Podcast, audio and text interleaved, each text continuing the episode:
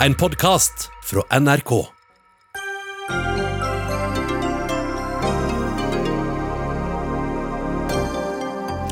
Sjokkerende, fascinerende tabloidpsykologi. Det er de første reaksjonene fra dem som har lest Mary Trumps bok om onkel Donald.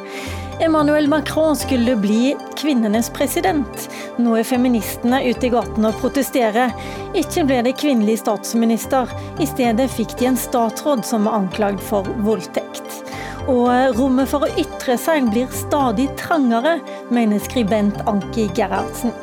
Merk at det er de som mener mest, som er mest bekymra for ytringsfriheten, parerer debattansvarlig i Dagsavisen.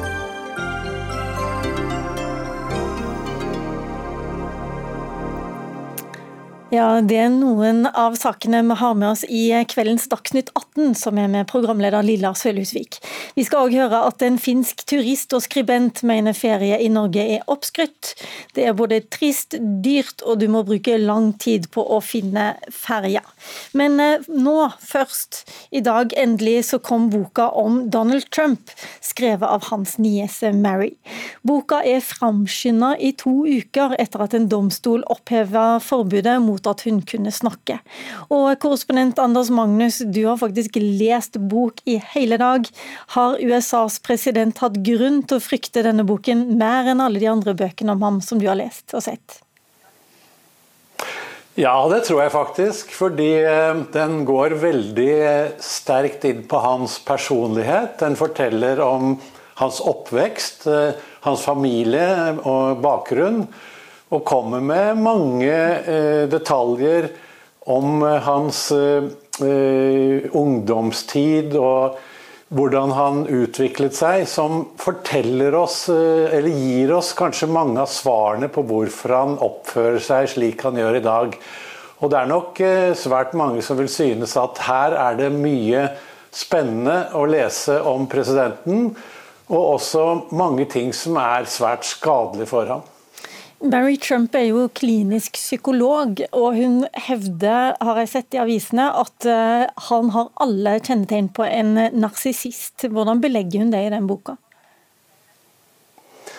Hun eh, belegger ikke så mye av sine eh, psykologiske analyser eh, i boken, annet enn å snakke mye om den oppveksten han hadde, hvordan hans tyranniske og ondskapsfulle pappa Fred eh, Trump eh, senior behandlet ham på en svært eh, ille måte og ikke ga han kjærlighet. Men hun skriver, hun våger seg ut på en diagnose og sier at han har en antisosial personlighetsforstyrrelse. Men samtidig sier hun også at for å kunne gi Trump eller for å kunne finne alle de psykiske lidelser som min onkel har, så må han gjennom en rekke tester, og det vil han jo selvsagt ikke. Så hun innrømmer jo også at det er mangelfullt, eh, det grunnlaget hun bygger på. Men samtidig så er hun kanskje den psykologen som er best egnet til å si noe om Trumps eh, psyke. På norsk så heter jo denne boka 'For mye og aldri nok', og hvordan min familie skapte verdens farligste mann. Hvorfor mener niesen at onkelen er farlig nå? Hun skriver at eh, han eh, har lærevansker, at han ikke klarer å ta inn informasjon og behandle den. og har også problemer med å ta riktige beslutninger. Det belegger hun bl.a. med hans beslutning i forretningslivet, som hun sier har vært veldig dårlige. Bl.a. så har, hun, har Donald Trump fem konkurser bak seg. Så hun eh, belegger dette med at han har vært en fare for amerikanerne. Han, har forsøkt å ta fra dem goder som helseforsikring. Han har vært en katastrofe under eh, denne pandemien, koronapandemien. Og hun er også engstelig for eh, selve eh, USAs demokratiske grunnvoll hvis han får fortsette i en periode til. Fordi at han viser tegn til at han ønsker å ødelegge institusjonene, og også delvis klart å bryte ned en del institusjonalisert respekt i USA. Og nå er det litt sånn at det, Denne boken hyler jo omtrent på et tilsvar fra Donald Trump. og Jeg er ikke i tvil om at vi kommer til å få det etter hvert, men enn så lenge så skal vi vende oss til deg, Hilmar Mjelde. Du er seniorforsker ved NÅRS forskningssenter. og Du har sagt til oss tidligere i dag du, at dette er tabloid psykologi. Hva mener du med det? Det er jo da at uh, uh, Han er kanskje onkelen hennes, men han har jo ikke vært pasienten hans. Jeg tenker at denne boka her, det er denne vekos, eller egentlig forrige ukes kontrovers. Og Det har jo vært flere kontroverser bare de siste dagene i amerikansk politikk. og Vi skal nok ha en fire-fem såkalte oktoberoverraskelser før valget. Eh, Trump er jo en person som har vært i eh, amerikansk offentlighet nå i, eh, i 40 år. Vi kjenner han som, Amerikanerne kjenner han som en bajas, en spellemann, en råtass. Og Hvis det er en person som virkelig kan gi, et kikkhull inn i eh, Trumps vesen, så må det være heller eh, denne juristen Roy Cohn som det nylig kom ut en dokumentar om. Denne eh, råtassen av en eh, jurist eh, som tok Trump under sin vinge på 70- og 80-tallet. Er det noen som eh, Trump har modellert seg etter, så er det denne Roy Cohn, som eh, eh, jeg mener sier mye mer om hvordan Trump opererer i dag. Men, men Tror du ikke at denne boka kommer til å bite på han? Det er tross alt hans egen niese som forteller ganske intime detaljer om ting som har skjedd i familien. Selv om hun selv regnes for å være demokrat, så er hun fortsatt en del av familien. Ja, Det er nok uh, sikkert pinlig forhånd, men eh, vi lærer ikke noe nytt i, boke, i denne boka her, mener jeg, som får folk til å si at eh, dette er ikke den Trump jeg kjenner.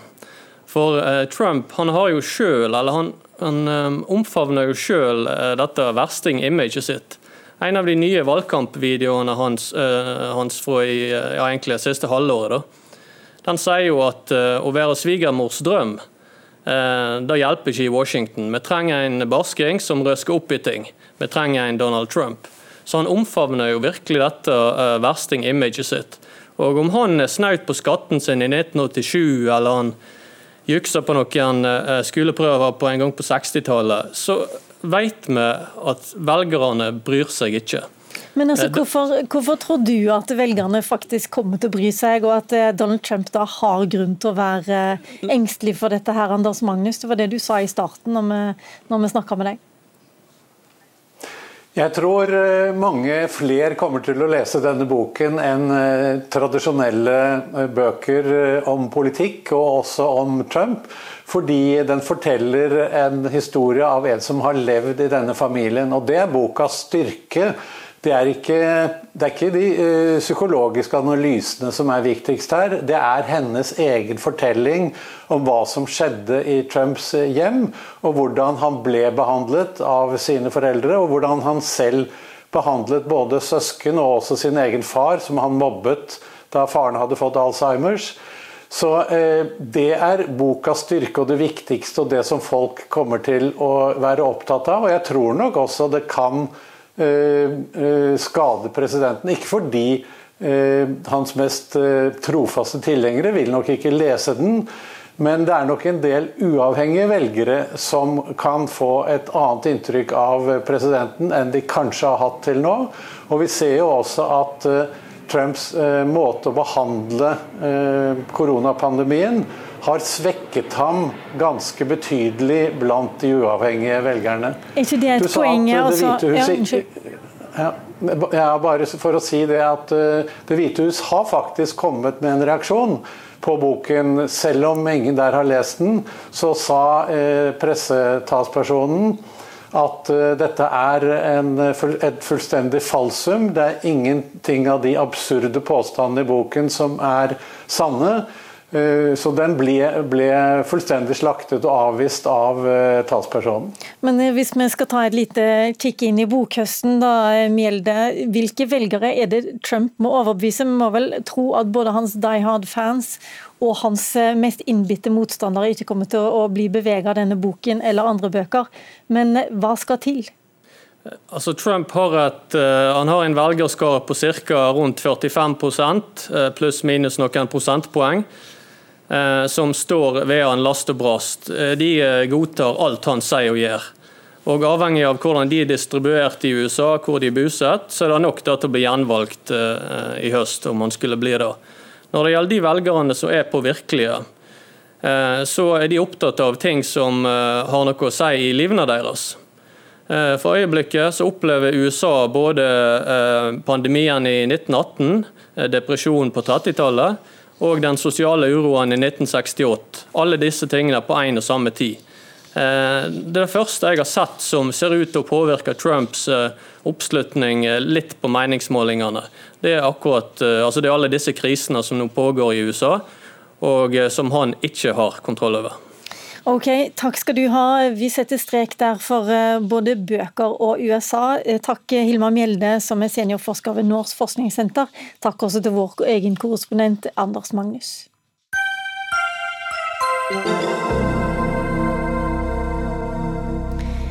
Det siste Norge trenger nå, er at venstresiden får gjennomslag for å øke skattene kraftig. Det skriver du i VG, kommunalminister Nikolai Astrup. Bakgrunnen er at bl.a. SV vil øke formuesskatten.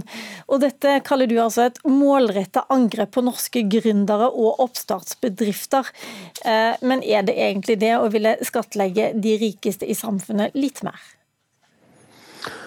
Ja, altså Det vi har sett nå gjennom eh, koronapandemien, det er jo viktig det er å ha en sterk offentlig sektor. Samtidig så er det noen hundre tusen permitterte i Norge i dag, og de jobber alle sammen i privat sektor. Og For å kunne opprettholde nettopp en sterk offentlig sektor fremover, så trenger vi å skape eh, mer og inkludere flere. Vi trenger nye bedrifter som kan ansette folk, og det viktigste vi kan gjøre fremover, er å sørge for at flere har en jobb å gå til. Og For å få det til, så må vi ha et skattesystem som legger til rette for det. Eh, og Da mener jeg at det å øke skatten kraftig for næringslivet nå, er helt feil vei å gå, hvis målet er å skape flere bedrifter. Da må jeg stille spørsmålet til deg, Kari Elisabeth Kaski. Du er finanspolitisk talsperson for SV. og Er det virkelig høyere skatter norsk næringsliv trenger nå, som de er i ferd med å Nå som de først og fremst skal jobbe for å komme seg opp av bølgedalen etter korona? Jeg mener at vi trenger en skattereform der vi eh, legger om skattesystemet i det som eh, jeg mener er, vil være i vekstfremmende retning. Der du øker skatt på formue, på arv og eiendom, men der du reduserer det på, på inntekt. Og Det er også den retninga som eh, egentlig man ser at andre land også går i nå, som du ser at eh, økonommiljøer anbefaler, som du ser at eh, alt fra både pengefondet og, og OECD også tar til orde for, og som vil være hensiktsmessig hvis du både skal redusere de økonomiske forskjellene, som i seg selv kan bidra til økt økonomisk vekst, og uh, få inntekter inn til fellesskapet, som vi igjen da kan bruke til å både legge til rette for velferd, men også for, uh, for næringsaktivitet. Men altså, Der er 272 000 arbeidsledige. På hvilken måte vil det hjelpe dem at man uh, skattlegger mer de som tjener mest? Og som kanskje kan tilrettelegge for flere arbeidsplasser? Nettopp gjennom en sånn type eh, omlegging av eh, skattesystemet, så vil det også bidra til å gi eh, redusert inntektsskatt. Det vet vi at bidrar til, til å få folk i arbeid. Det gjør at det lønner seg å jobbe. Og det er også nettopp for å bidra til små forskjeller vi ønsker å ha den omlegginga. For det at da tar vi tak i det som vi ser er en utfordring i Norge i dag, og det er at, at nettopp konsentrasjonen av formue er på stadig færre færre hender, og forskjellene øker. Og Det er i seg selv dramatisk for samfunnet vårt, men det bidrar jo også til at vi får inn mindre penger enn det vi kunne til å bygge velferden vår, og til å bygge eh, betydelige ting for næringslivet, sånn som f.eks. investering i samferdsel og, og infrastruktur. Astrup, er det ikke rimelig at noen av de mange milliardene som dere nå pøser ut til næringslivet, noen av de kommer tilbake til statskassa fra dem som nå klarer å bygge seg opp store personlige formuer? Jo, absolutt. Og det er jo ingen som er uenig i at de som har mest, skal også betale mest. Og de 10% rikeste i Norge betaler nesten 40% av all personskatt i Norge. Eh, Men du vil jo ikke ha noe formuesskatt i det hele tatt? De, de, betaler mer nå enn det de gjorde i 2013. Formuesskatten utgjør en veldig liten del av det. Vi har jo hatt en skattereform eh, som eh, Kari Elisabeth Kaski tar til orde for. Vi har redusert for, altså inntektsskatten for bedriftene, og det var et bredt flertall i Stortinget som var med på det. det. Vi har også økt utbytteskatten kraftig. Og det gjør jo at Hvis du holder pengene i arbeid og skaper arbeidsplasser, så lønner det seg mer nå enn det gjorde i 2013. Men hvis du tar pengene ut til privat forbruk, så må du skatte betydelig mer enn før. Det mener jeg er en fornuftig skattepolitikk. Men det å doble formuesskatten nå vil være veldig uheldig for alle de som ønsker å starte ny virksomhet, og det trenger vi. Vi vet at oljeinntektene kommer til å gå ned, aktiviteten i oljesektoren går ned. og Hvis SV får det som de vil, så går jo det veldig raskt. Og da er vi avhengig av at det skapes nye bedrifter. Og eh, Hvis du ser på noen av de store vekstselskapene i verden i dag, som f.eks. Spotify, så har jo de det til felles at de aldri kunne vært startet av en nordmann som bor i Norge. Rett og slett fordi de selskapene er masse verdt, men de tjener ikke penger. Dermed kan de ikke betale utbytte, og dermed kan ikke eieren betjene formuesskatten, med mindre eieren har masse penger fra før. Ok, ok, La Kaski få svare på det først nå, Astrup. Ja, internasjonale undersøkelser viser at uh, Norge er et av de beste landene å drive næringsvirksomhet i. og også Når du ser på snittet i OECD, så ligger la Norge langt under på skatt, når du ser på, på skatt på, på, det personer eier, da, som, som eiendom, formue og arv. Så Norge har et lavt skattenivå på det, sammenligna med andre land. Og blir egentlig litt sånn trøtt av hele debatten på formuesskatt, fordi det høyresida gjør gjentatte ganger, det å trekke fram ulike eksempler som er rent anekdotiske, uten å ha noe empiri som backer det opp. La meg spørre da, Astrup, har du noen eksempler? Har du noen konkrete næringslivsledere som sier at nei, nå bare ja, men Du vet jo ikke om Spotify egentlig kunne vært i Norge. Har du noen som sier rett ut at nå forlater vi Norge pga. formuesskatten? Jeg har mye empiri på dette. Da jeg var digitaliseringsminister, så reiste jeg landet rundt og snakket med oppstartsbedrifter, og det vil jeg anbefale Kask å gjøre også. Og det de peker på, er at ja, eh, i den fasen de var i, så var ikke formuesskatten et problem, men hvis de lykkes, eh, så kom formuesskatten til å bli et problem. For dette er jo bedrifter som ofte er startet med hjelp fra familie, venner, eh, studielån. Gründerne har ikke penger. Og Realiteten er jo den at de står i fare for å bli kjøpt opp av store internasjonale selskaper, og at det blir få arbeidsplasser i Norge av det. Snakker du med noen som hadde det problemet også? Ja, ja, og jeg kom med et konkret eksempel med Spotify. Det kunne altså ikke vært drevet fra uh, en person som bor, eller eid av en person som bor i Norge. Og det vet Kari Elisabeth Kaski. Og jeg vil gjerne okay. at hun ja, da, istedenfor å komme trekkende med internasjonal forskning, tar tak i det eksempelet og forteller meg hvorfor det er mulig å bo i Norge, sånn som gründeren av Spotify. Han eier 25% av Spotify. Det er verdt 200 milliarder kroner. Da må han betale 500 millioner i året i formuesskatt hvis eh, Kari Elisabeth får sin politikk igjennom. Det går ikke. Ja, og jeg mener at det er helt riktig at du skal skatte når du har stor formue, men eksemplene som knytter seg til gründermiljøer og oppstartsbedrifter, holder ikke vann når du ser på empirien som er gjort og forskninga som er gjort i Norge. Det var en studie fra Norges eh, handelshøyskole som, som gikk gjennom DN, eh, Dagens Næringsliv sine gasellebedrifter, som viste at det var fire av ti gasellebedrifter som betalte formuesskatt. Og når du tok de fire, fire av ti, så var det ni av ti betalte under 25 000 kroner i formuesskatt. Det kan umulig være en stor utfordring utfordringer som, som norske oppstartsbedrifter og, og, og, og gründerbedrifter står overfor. Og gasellebedrifter det er de bedriftene som vokser raskest, bare så vi får med oss alle på det. Stemmer. Men svar på det Astrup sier. Kunne Spotify ha klart seg, og hadde de hatt råd til å betale formuesskatt i Norge? Det blir jo en helt hypotetisk eh, spørsmål å ta tak i. Det vi vet derimot, er at Norge er, og det viser også internasjonale kåringer, et av de beste landene å drive næringsvirksomhet i. Vi har også veldig mange bedrifter som, som lykkes i Norge, og vi har også mange oppstartsbedrifter som lykkes. Men du hører og, også at en del er redde for den formuesskatten, ja, fordi at eh, de må betale formuesskatt selv om de ikke tar uh... Og der skal vi ikke være blind for de uh, egeninteressene som ligger i bånn. Det at næringsliv ønsker lavere skatt, Sånn er det, det forstår jeg, men vi som er politikere vi må tenke på en helhet her. Og der vet vi, og det har vi forskning og internasjonale si, fagmiljøer som backer oss opp på, det å øke skatt på formue, på arv og eiendom er klokt hvis man reduserer inntektsbeskatning, og det er jo det SV tar til orde for. Og det vet vi kan bidra til økt økonomisk vekst framfor det som høyresida tar til orde for, som jo ikke er altså Hvis man hadde vært opptatt av oppstartsbedrifter, så kan man jo gjøre endringer i formuesskatten som kanskje tilgodeser da oppstartsbedrifter oppstarts- og gründerbedrifter i større grad. Gi de noe unntak de første årene, f.eks. ved notifisering på børs. Det har jo ikke Høyre foreslått. Det de foreslår er ganske jevnt over formuesskattekutt, som jo først og fremst er et gode for mennesker med store formuer. Astrup, eh, fremover har dere råd både til alle milliardene som dere har eh, gitt nå i forbindelse med korona, og til ytterligere skattekutt? Det vi ikke har råd til, det er å det er å ikke legge til rette for uh, nye virksomheter som kan skape nye arbeidsplasser så folk har en jobb å gå til. Det er det vi ikke har råd til. Og når Kaski sier at det er hypotetisk, så er jo nettopp det problemet. Det er hypotetisk med Spotify fordi det ville aldri skjedd. Uh, fordi en gründer med en slik idé ville flyttet ut av landet eller solgt ideen ut av landet rett og slett fordi det ikke går an å betjene den skatten fra Norge hvis selskapet blir så mye verdt. Fordi den formuen er jo også fiktiv. Den kaster jo ikke noe av seg.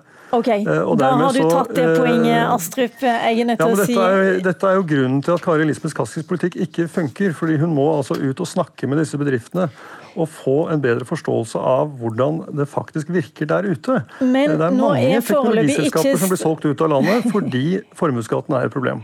Nå skulle vi veldig gjerne hatt med Spotify her for å spørre dem hvorfor de ikke er i Norge, men det har jeg faktisk ikke. Og da må jeg også si tusen takk til deg, Nikolai Astrup, kommunalminister, og til deg, Kari Elisabeth Kaski i SV.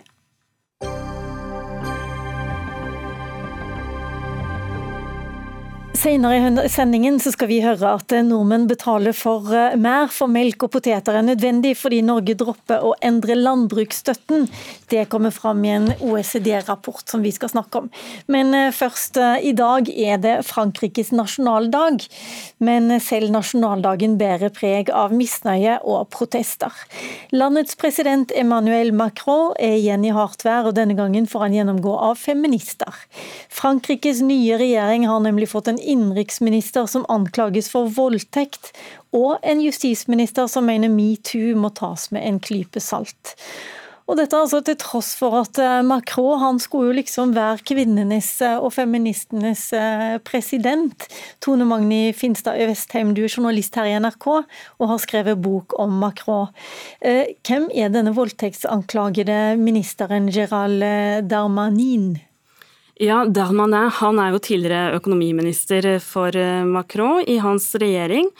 Og det litt interessante med han er jo at han har en fortid fra det konservative partiet i Frankrike, men var en, en som, eh, som, Macron rekrutterte inn i regjering da han, han ble president. Macron hadde jo en fortid fra, fra sosialistregjeringen i Frankrike, så han var en del av Macrons høyrekupp, på en måte. Og det er jo også flere voldtektsanklager som har vært rettet mot Darmene Darmanin tidligere, da han var eh, ordfører, så dette handler ikke bare om én sak. Men han er et slags sånt ungt eh, politisk stjerneskudd, men som, som viser denne kampen som pågår innad i Macrons regjering om hva slags retning han skal velge. Altså dette at Macron har blitt en mye mer sånn høyredreid president enn det man opprinnelig trodde. Ja, jeg håper ikke min eh, gamle fransklærer hørte min uttale på Darmanin, som ikke heter Darmanin, selvfølgelig. Men uh, Marte Mangseth, du er førsteamanuensis ved Oslo Met. Du har fulgt fransk politikk tett over flere år. Macron lovte jo altså å gjøre likestilling til en viktig sak da han ble president. Nå vet vi at han er gift med 24 år eldre Brigitte, men hvordan har han fulgt opp likestillingsløftene i praksis? Ja, det er eh, nok mange som vil si at det ikke har vært så veldig mye konkret. Men det har vært noen forsøk på å særlig møte dette her med um, vold i hjemmet og partnervold. Så det er blitt opprettet noen flere uh, plasser i krisesenter. Det er gjort det litt lettere å, å komme med anmeldelser og sånn direkte til helsepersonell hvis man kommer inn og er voldtatt eller eh, slått av partner og sånn. Men jeg vet ikke om eh, de som jobber med disse sakene føler at det monner noe særlig.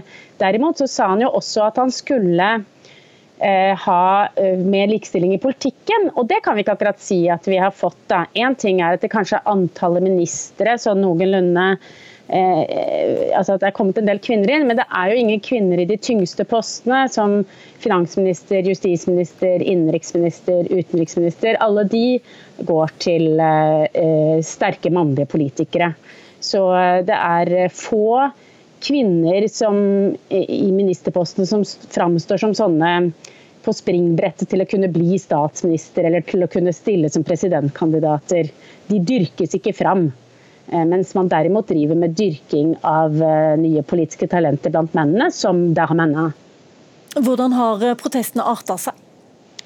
Altså, det har vært protester mot Darmanin da, og mot justisministeren Dupont-Moretti, som har vært forsvarsadvokat og har forsvart altså han, Som forsvarsadvokat er det ikke så rart at han ser på potensielle falske anklager, hvor vanskelig det er å forsvare seg mot denne type anklager. Så han har et annet perspektiv og har dermed liksom tonet ned hele metoo. Så det har blitt møtt med store protester. Men jeg vet ikke om disse protestene egentlig gir uttrykk for noen stor opinionsendring i Frankrike. Eh, det har tradisjonelt vært veldig stor aksept for eh, altså seksuell eh, trakassering, misbruk av kvinner. Altså, vi kan jo huske tilbake da Dominique Strauss-Kahn, som var finansminister i sin tid, og senere en veldig viktig presidentkandidat, og kanskje hadde blitt eh, president i Frankrike hadde ikke vært for at han fikk denne voldtektsanklagen mot seg i USA. Eh, denne type folk har jo levd og levd et veldig utsvevende liv, også eh, seksuelt. Og, og, det har blitt dysset ned og blitt akseptert i fransk elite og fransk offentlighet. Og det er uklart eh, hvor stor endring som egentlig er i ferd med å skje. Kanskje noe, men eh, ikke radikal endring ennå, tror jeg. Tone Magni Vestheim, du eh, har jo intervjua flere av disse eh, statsrådene i den nye regjeringen. Men hvorfor er det sånn at Macron ikke gjør mer for å holde på de der grønne velgerne, feministene? Han framsto liksom som en sånn moderne president i, i Frankrike. Ja, nå virker det ikke som han bryr seg så veldig mye om å holde på dem lenger. Altså, da Macron ble valgt mot på en måte Coolran Le Pen, da, så, så, solgte han seg jo inn i Vesten og, og også blant franskmenn som en slags sånn liberal eh, wonderboy som skulle ta steg i, i, klimaretning. Men det vi har sett, er jo at han har eh, lagt seg på en mye mer sånn sterkere høyredreining enn det man kunne forvente. Og det tror jeg nok er en ren sånn kynisk politisk kalkyle fra hans side. Jeg tror han tenker at i presidentvalget i 2022, om to år, så vil på en måte Le Pen eh, seile opp som en ny motstander igjen, og at han derfor da prøver å kapre liksom terreng på høyresiden av eh, fransk politikk. Så, som, så, så jeg tror at han er mer at han da tenker at de rød-grønne rød i Frankrike ikke vil klare å finne sammen, selv om de grønne er under veldig framgang nå i Frankrike. At de vil på en måte ikke ville stille som en sånn sterk, enhetlig blokk, og at han satser på, eller liksom hans veddemål er at han vil møte Le Pen igjen, og da tror han eh, at de andre vil eh, stemme på han likevel. Macron ble intervjua i, eh, i franske medier i dag. Hva sa han der om hvilken politikk han skal føre? Altså, Noe av det han varslet, er jo at de skal med, at Frankrike skal begynne med munnbind og ha det påbudt på offentlig sted innendørs. Det er jo et, en eh, klar beskjed. Men ellers så er det jo dette at det er viktig å få med seg at altså koronaen kom jo som en slags sånn derre prosjektil mot hele Macrons prosjekt. ikke sant? Han skulle jo reformere fransk økonomi, få fart på på arbeidsplassen igjen og senke arbeidsledigheten, få kontroll med statsfinansene. Mens nå under korona så ser man jo at liksom det franske statsbudsjettet er under galopperende underskudd. ikke sant? Så dette er jo virkelig en sånn Dette med EU, liberalisme, korona er en kjempeutfordring eh, mot det. Men i hvert fall i dag på nasjonaldagen, for aller første gang, så er det ikke parademarsjer med soldater i, i, på, på, linja. Derimot så ser vi at uh, man hyller franske helsearbeidere, og det er vel i hvert fall noe helt nytt, Marte Mangseth? Ja, Det er eh, ikke typisk for fransk nasjonalfeiring, og det er nok helt på sin plass. og Der tror jeg nok Macron leser folkeopinionen godt. Det har vært en voldsom støtte til helsearbeiderne og en anerkjennelse under koronaen at eh, sykehusene har vært underfinansiert, at hele helsesektoren har vært underfinansiert over lang tid. Men eh, helsearbeiderne eh, har demonstrert i dag og sier jo at eh, de syns ikke en sånn eh, parade eh, svarer til deres forventninger i det hele tatt. Det har vært forhandlinger, det har vært en politisk avtale som skulle liksom gi helsearbeiderne noe nå i etterkant av koronaen.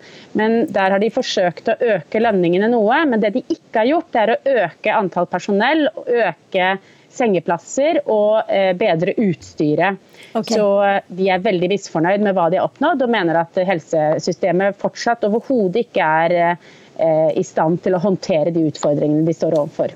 Mye kjeft til Emmanuel Macron, også på nasjonaldagen der, altså. Men tusen takk til deres for dette.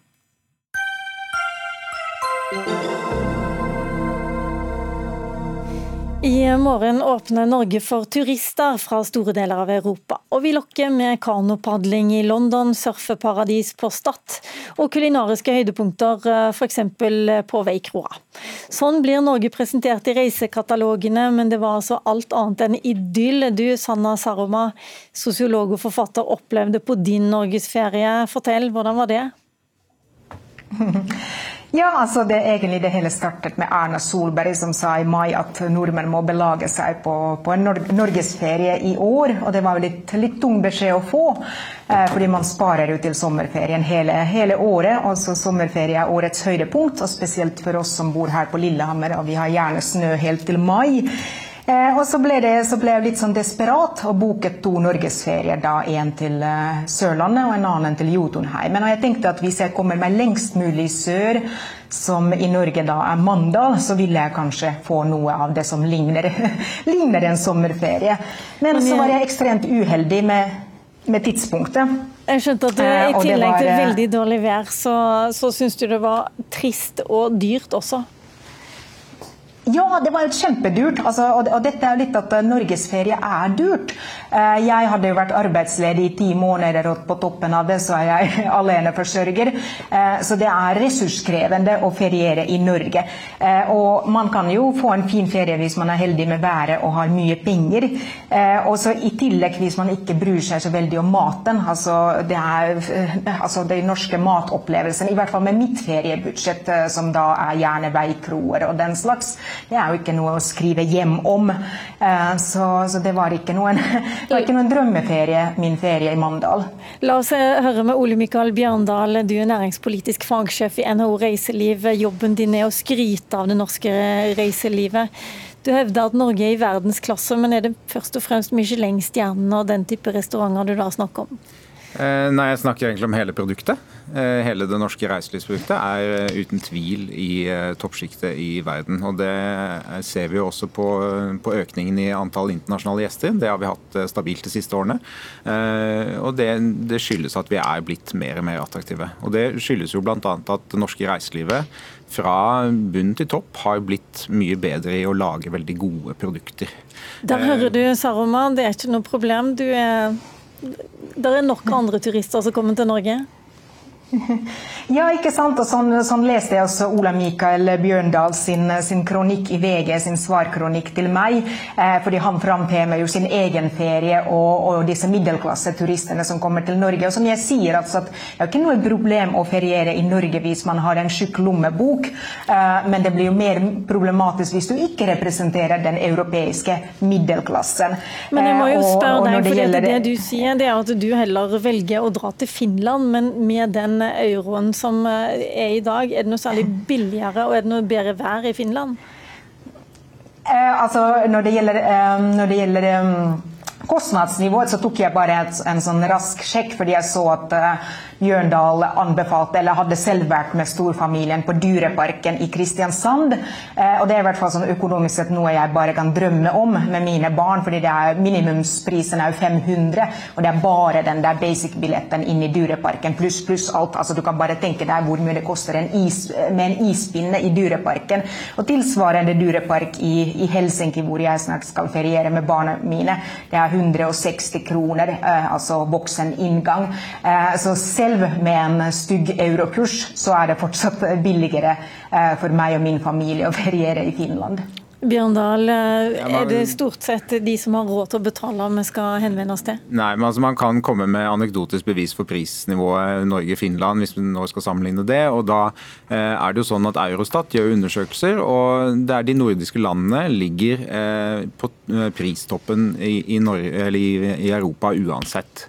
Så, så det, det her er, er ikke riktig det at Norge er så eksepsjonelt mye dyrere enn alle andre. Men, Men har du et tilbud til dem som ikke har ja, det veldig mye veldig mye gode tilbud. Eh, og det, for eksempel, det som Norge har sitt fremste fortrinn innen reiselivet er, er jo natur. Og Der har vi jo DNT-hytter i bøtter og spann i det landet her, og fjellturer rundt omkring i landet som er svært attraktive, og som flere og flere får øynene opp for. Og Der får man også svært god mat på veldig mange av disse DNT-hyttene, eh, hvor man da har fått, fått inn flere og flere dyktige folk som lager veldig god treretters middag på disse her stedene hvor du kommer til. Så det finnes veldig mange gode alternativer eh, i og det det er jo et poeng her at man må jo faktisk segmentere innenfor reiselivet. Du må jo eh, sikte deg inn på både de som har mindre penger og de som har mye penger. og det norske reis... Ja, men det, et, et, siste poeng er at ja. det, det norske hotellprisene har faktisk gått ned sammenlignet med kons vanlig konsumprisindeks. og Det er blitt billigere å bo på hotell i Norge. Saruman, nå hører du, du kan bare finne deg en lakenpose og dra på en DNT-hytte i fjellet.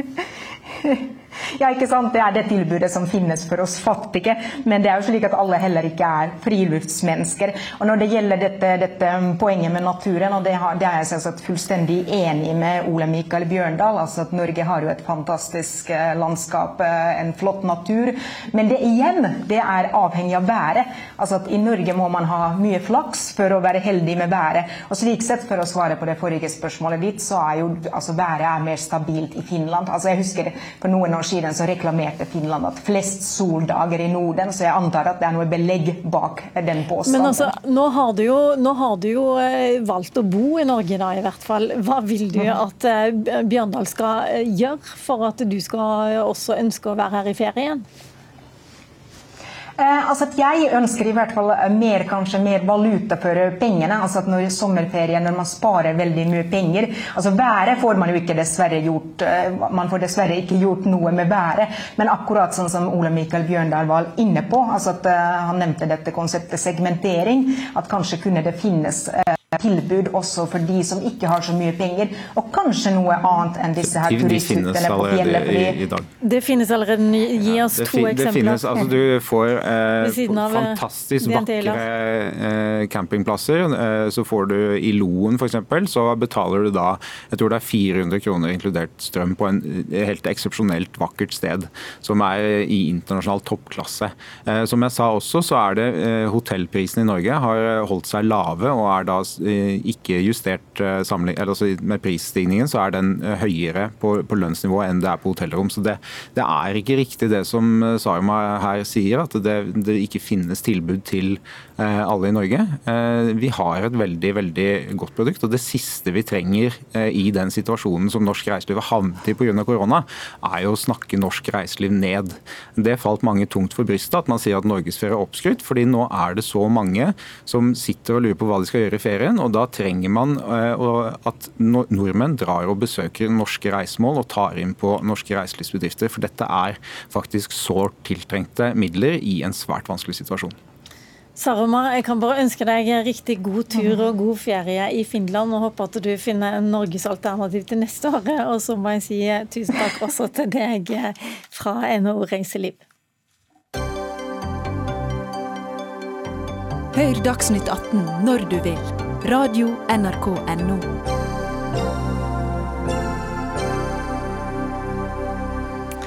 Norge bruker altfor mye penger på å støtte landbruket, og det på feil måte. Det sier OECD i den årlige vurderingen av landbrukspolitikken.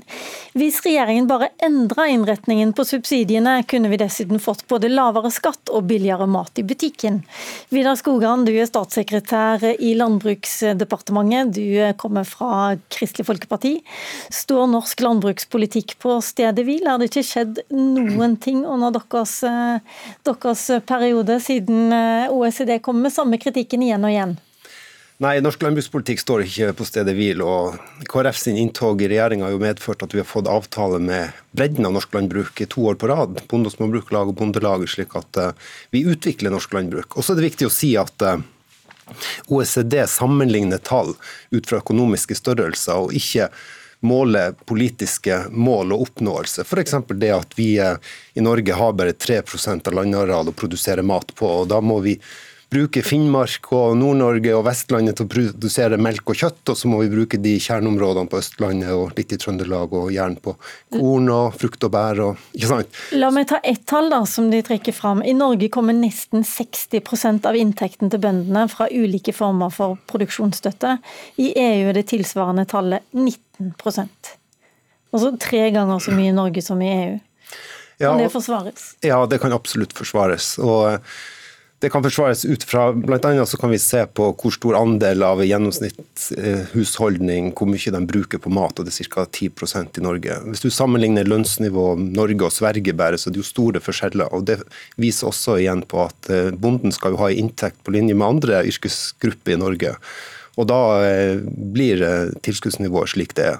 Og så er det sånn at når du skal produsere sant, i uh, geografisk krevende områder, så koster det noe å produsere mat i Norge. Men vi har råd til det, og det syns jeg er viktig. Og det er bred politisk støtte om at vi skal produsere mest mulig av den maten som forbrukerne etterspør i Norge. Okay. Og da er det prisen. Håkon Rikelins, du er samfunnsøkonom i Civita. Vi har råd til det, sier Vidar Skogan her. Er du enig i det? Altså det er jo til syvende og sist et politisk spørsmål hvor mye man ønsker å bruke av samfunnets ressurser. Enn så lenge så har vi kanskje til det, men jeg synes han tar litt lett på uh, litt av substansen i OECD sin kritikk. OECD viser til at uh, vi bl.a. i Norge er mye dårligere på å støtte det man på norsk kaller fellesgoder. Altså uh, f.eks. kulturlandskap, miljø, uh, spredt bosetning, som er det som ofte brukes som begrunnelse for, for norsk landbrukspolitikk. Likevel så er det under en tredjedel. vi har Snittet i OECD er at tre ganger så stor andel av landbruksstøtten går til disse fellesgodene, mens vi stort sett støtter produksjon. Eh, og Det å støtte produksjon det gjør vi for å opprettholde landbruket i hele landet, som eh, statssekretæren sier. Men da er det jo rart da, at eh, siden 2005 så har 14 000 gårdsbruk blitt lagt ned. Så selv på, egne, på norsk landbrukspolitikks egne målestokk, så har det ikke gått i riktig retning.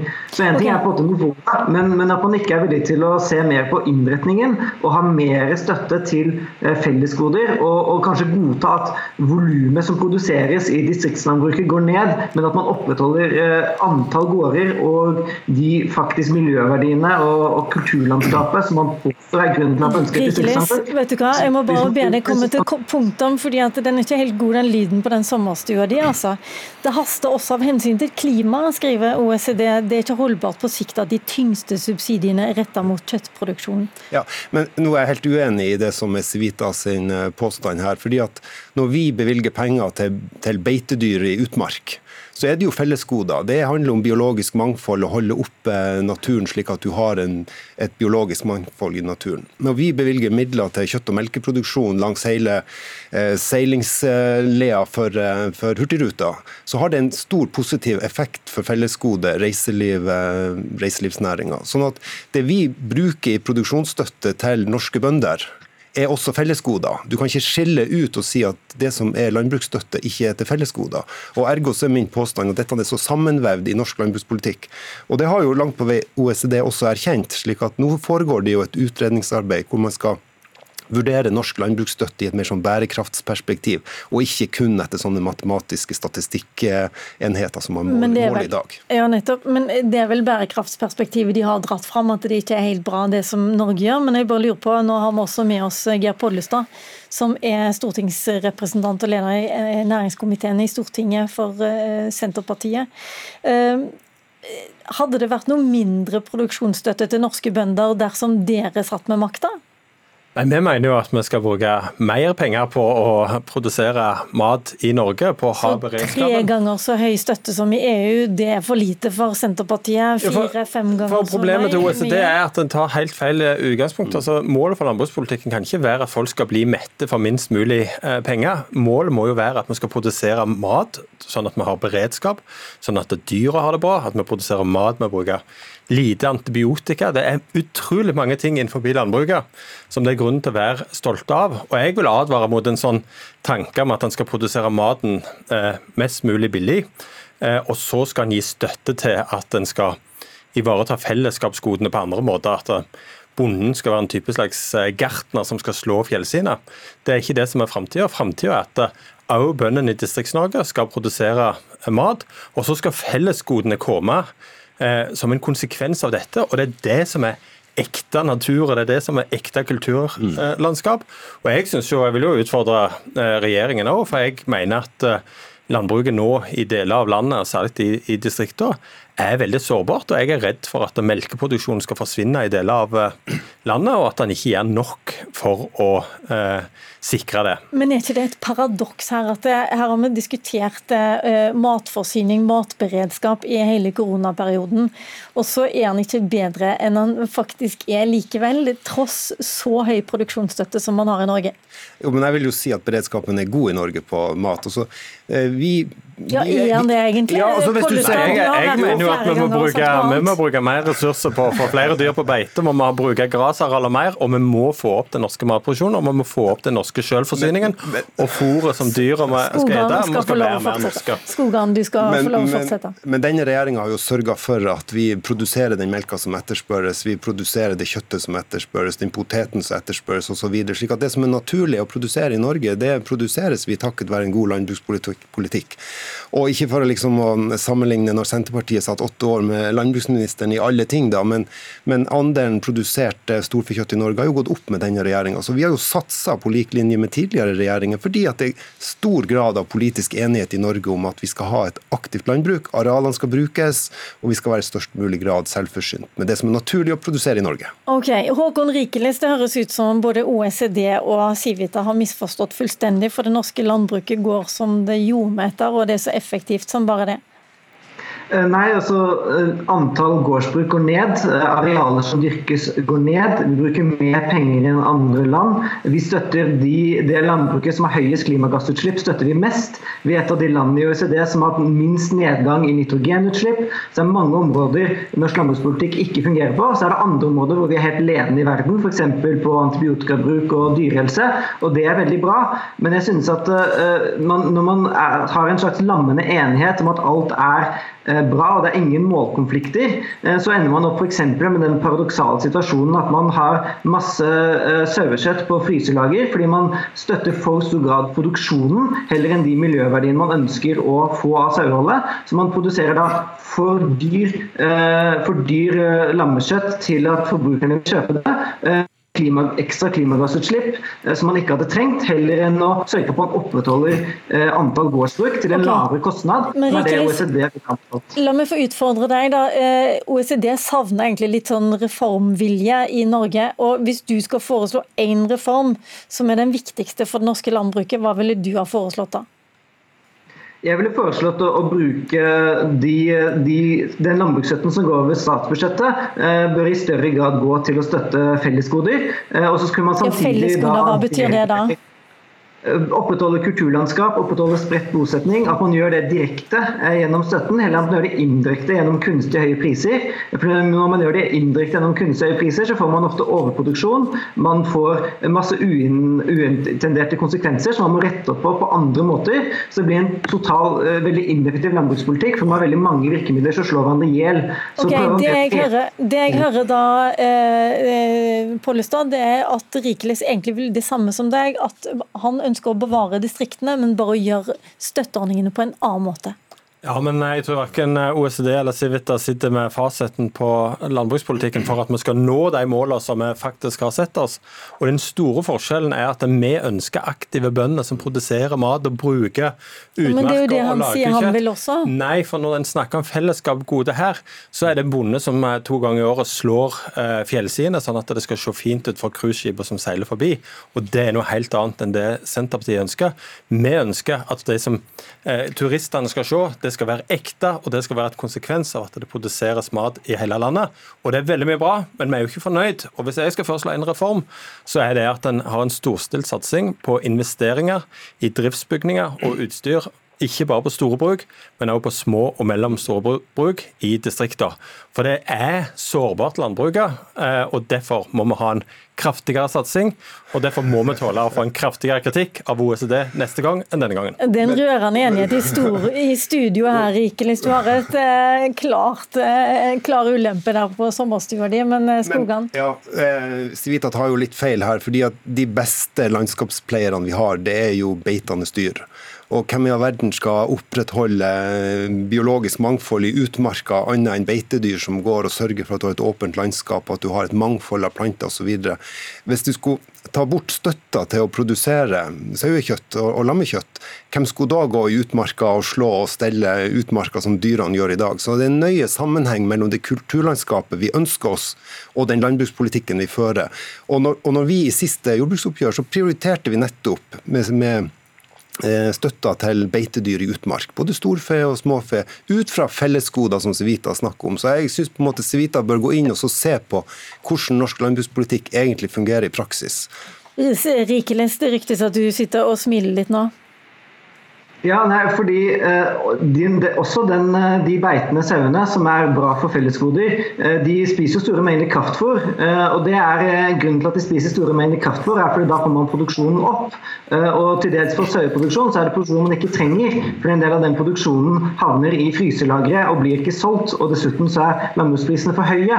så man kunne jo da hatt en mindre intensiv produksjon i distriktene, hvor de da i større grad har basert på de lokale ressursene vi hadde. Litt lavere kraftfôrbruk, eh, kanskje litt lavere slaktevekter på, på, dyrene som slaktes, og da litt mindre kjøtt som produseres, men at man produserer eh, basert på at man skal, dyrene okay. skal produsere fellesgoder, ikke at man skal ha høyest mulig produksjon, når mye av den produksjonen egentlig ikke er et marked for, og er veldig dyr både for norske forbrukere og for norske skattebetalere. Jeg leter stadig etter et punktum. Vi må sette det der. Håkon Rikeli, samfunnsøkonom i Civita, Geir Pollestad i Senterpartiet og Vidar Skogan, statssekretær. Tusen takk for at dere var med.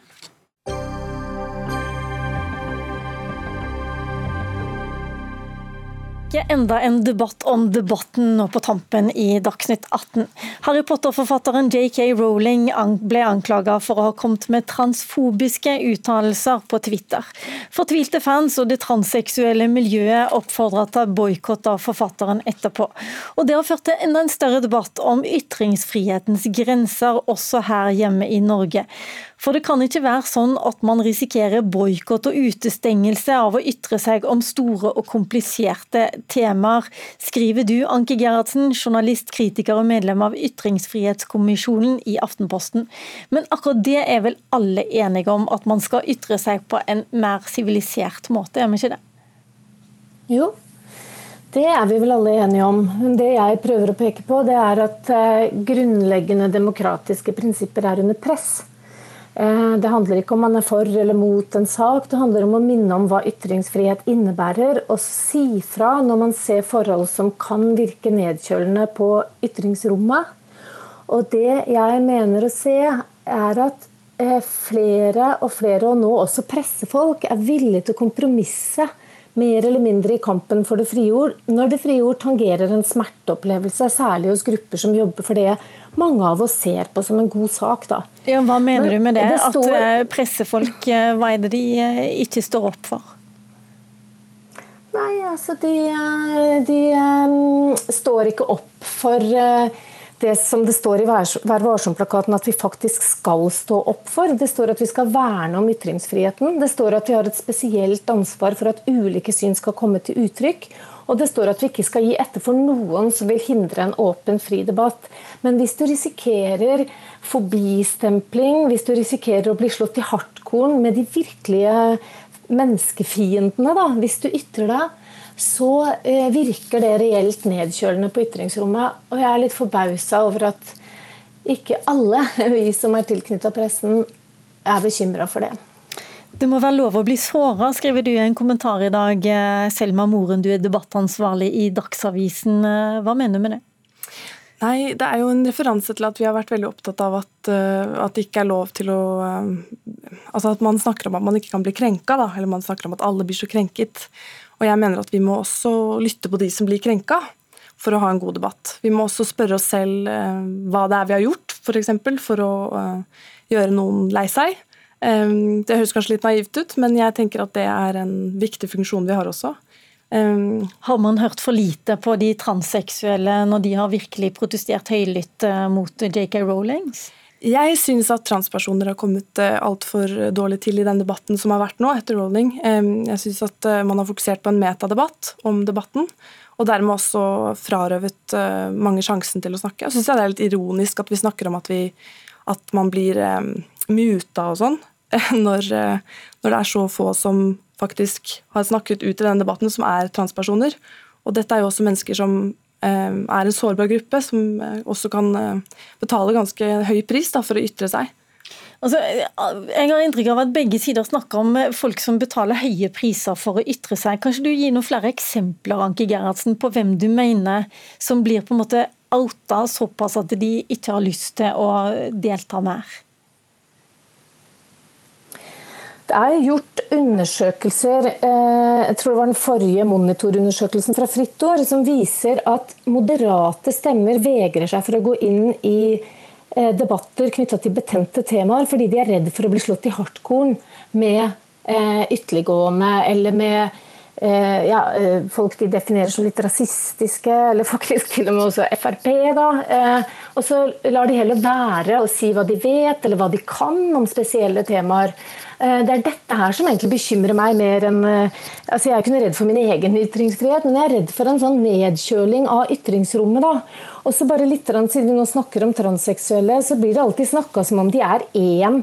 At det er liksom én for alle, alle for én. Som om det er en gruppe der alle mennesker mener det samme. Eh, men det er jo beviselig feil. Eh, vi ser jo f.eks. nå transpersonenes egen eh, Eh, pasientorganisasjon, brukerorganisasjon, Harry Benjamin ressurssenter, de er også bekymra for ytringsrommet. De har en helt annen holdning til mange av disse spørsmålene enn det f.eks. FRI har. Så, det, så det, Man skal bare huske på at det oppstår maktkonstellasjoner også i disse gruppene vi er opptatt av å verne om. Du, det er du... den med høyest stemme som når fram der også. ikke sant? Men er ikke du redd for ytringsrommet, Moren? Jo, det er ikke sånn at jeg mener at uh, jeg, ser, jeg, ser, poenget til Gerhardsen. Og jeg er også opptatt av at man skal ha ytringsfrihet. Jeg bare tenker at eh, JK Rowling da, i dette eksempelet er en innmari mektig dame med veldig stor innflytelse. Og da tenker jeg at det er ganske legitimt at hun har fått ja, feedback, da. Og ikke det at jeg støtter de ytringene som har kommet som er ganske ja, hva skal man si, hatefulle, da. For de, har også kommet, som dessverre skjer når man krangler med hverandre på Twitter. Men, um, men jeg mener at det er helt uh, Jeg har ikke sett noen stå og brenne Harry Potter-bøker, men debatten har dreid seg veldig mye om at man er veldig redd for at det ikke skal være lov å si noe lenger. Men vi sier jo noe hele tiden. Altså, virkelig, folk ytrer seg. Men det blir vanskelig å diskutere eh, transseksualitet og hva som er kvinne og ikke kvinne osv. Så, videre, så lenge eh, motargumentasjonene blir så sterke at man faktisk går til boikott. At Harry Potter-skuespillerne f.eks. tar avstand fra JK Rowling framfor at man får i gang en aktiv debatt med hvem er egentlig, hva er egentlig en kvinne, og hva er posisjonen til de transseksuelle? Da tenker jeg at Vi må lytte begge veier. Sånn som jeg ser det, så kriger vi begge veier. Dette har blitt en debatt som er ekstremt eh, ytterkanten på begge sider. Så vi er nødt til å bli flinkere til å lytte på hverandre. Men er det også sånn, Anke Gerhardsen, at enten man er eh, antirasist eller muslimkritiker, enten man er JK Rowling eller transseksuell, så er det bare sånn at man må være tøff for å delta i dagens debatt. Ja, det tror jeg. Og jeg tenker at vi alle skal jobbe for eh, respekt for meningsmotstandere. og eh, lære opp eh, både våre egne barn og meddebattanter til å føre en anstendig samtale. Da. Det tror jeg kan liksom men det virker som om du, du, du i, i, kronikken din, når du sier at ytringsrommet blir mindre, så virker det som om noen gjør noe fryktelig galt nå. Og det er ikke minst eh, folk som, eh, som oss i Dagsnytt 18 som gir, for, gir, eh, debattanter et rom. Da. Og hva er det man gjør galt? Hva er det du mener bør gjøres annerledes? Jeg mener at man skal stille kritiske spørsmål også til grupper som definerer seg som offer når de er representert i Dagsnytt 18. Det syns jeg Dagsnytt 18 har vært litt eh, forsiktig med. Hvis du definerer deg som utsatt og, offer og klager på noen, så får man stort sett mikrofonen holdt framfor seg. Hvem er det som har eh, definert seg som offer? Motstand. Ja, nå snakker vi jo om grupper grupper som definerer seg som uh, utsatte og som offer. ikke sant? Men jeg har bare lyst til å vise til en helt sånn konkret ting. Det rekker vi dessverre ikke, okay. Anki Gerhardsen, fordi at vår tid er rett og slett ute i Dagsnytt 18 i dag. Jeg må si uh, tusen takk til deg, og tusen takk også til Selma Moren, som er debattansvarlig i Dagsavisen. I morgen så er det Ugo Fermariello som ønsker velkommen i Dagsnytt 18-studio. Ansvarlig for denne sendingen det var Arnhild Myklebust, teknisk ansvarlig Frode Thorshaug, og i studio Lilla Sølhusvik.